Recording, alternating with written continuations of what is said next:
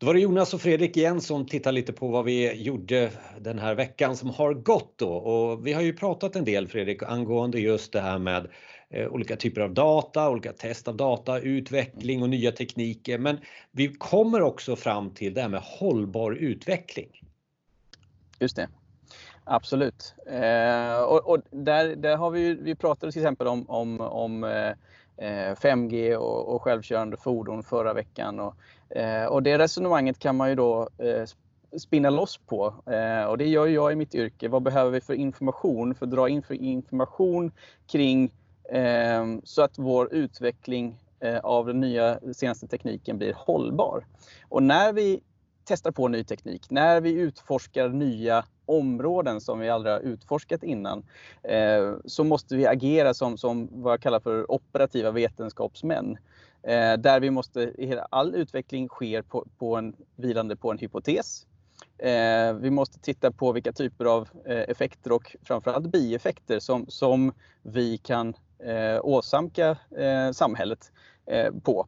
Eh, och då måste vi också samla in data. Vi måste tänka väldigt brett på data. Vi måste fundera på om det kan vara så att den här nya tekniken som vi utvecklar, om det är en applikation på 5G eller någonting, ja då finns det ju röster i, i världen som pratar om eh, det kan finnas eh, risker för, för, eh, för hälsorelaterade effekter på 5G. Eh, och istället för att avfärda dem som ingenjörer vi är och alltid har gjort, Eh, så måste vi eh, vara inkluderande och lyssna och ta till oss att aha, där finns det en röst, en oro. Eh, hur kan vi som ingenjörer, som, som ansvar, ansvarsfulla ingenjörer eh, också ta ansvar för att följa upp på de områdena. Så vi kanske om vi, om vi introducerar en ny teknik eh, som är 5G-relaterad i en ort som inte har funnits innan, ja, då kanske vi vill samla in eh, hälsorelaterad data från Socialstyrelsen på den orten för att följa upp. Finns det fler som, som, som har börjat klaga och, och söka vård för, för ont i huvudet och sådana saker så att vi har den datan också och kan följa upp på det. Eh, så att vi, vi kan se orsak och samverkan på, på, på nu när vi utvecklar ny teknik.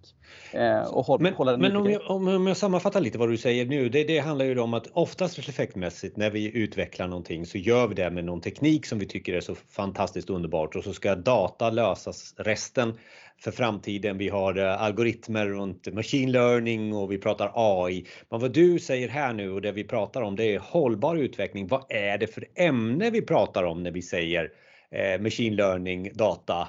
Eh, vad är det vi ska mäta på? Vad är vårt kvitto tillbaka om vi gjorde bra? Inte bara utifrån ingenjören då, utan även ifrån samhället, det högre syftet eh, mycket.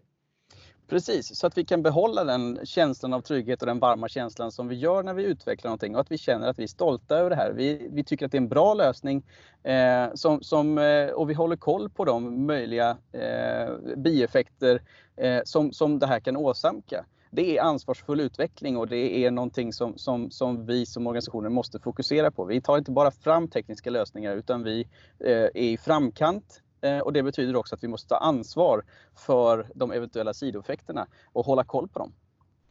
Och här har vi också tidigare pratat väldigt mycket om reskilling, alltså att lära, lära om.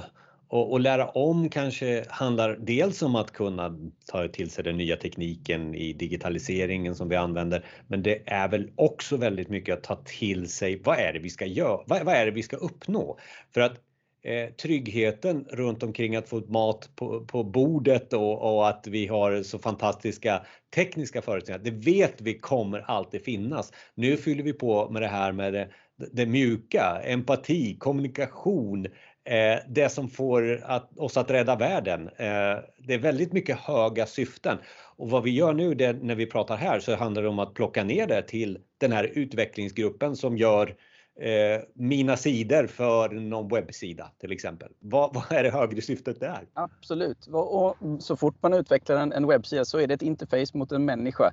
Hur kan vi mäta på om den människan får ut den effekten som, som, som vi vill få ut av den här hemsidan? Kan vi få in data från, från HR-avdelningen så att, så att vi ser någon typ av trend kring att de anställda som använder den här sidan faktiskt känner att, att det flyter på bättre i jobbet, det är roligare att, att samarbeta.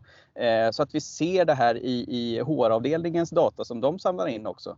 På det sättet så, så vidareutvecklar vi och, och eh, ser till så att vi, vi, vi bygger på en effekt, en högre, ett högre syfte. Och det handlar också om att utvecklingsteamet, de behöver inte vara experter på politiska eller samhällsekonomiska eh, aspekter, men de behöver ha ett, ett, ett brett kunnande kring hur samhället fungerar och vilka typer av mekanismer som vi är inne och påverkar.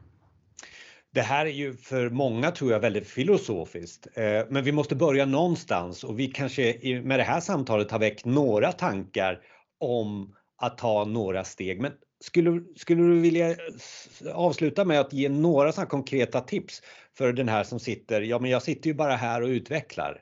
Eh, ja absolut. Eh, och, och, då har jag lite tips. Och jag, jag hyllar ju sådana initiativ ute i, hos myndigheter som, som lägger ut API för öppna data. Titta på vad det för, finns för öppen data ute i samhället. Skatteverket har öppen data, Lantmäteriet har öppen data. Ladda ner öppen data, laborera och se. Kan du få in några trender? Kan du se några data som, som har någon typ av påverkan på det som du utvecklar? Eller om ni eh, utvecklar någonting som är intern organisatoriskt. Prata med HR-avdelningen. Fråga om de har någon data som vi kan ladda ner och som vi kan eh, titta på och, och, se om det finns några, några events eller några trender som, som, som, som kan spela in på det vi utvecklar.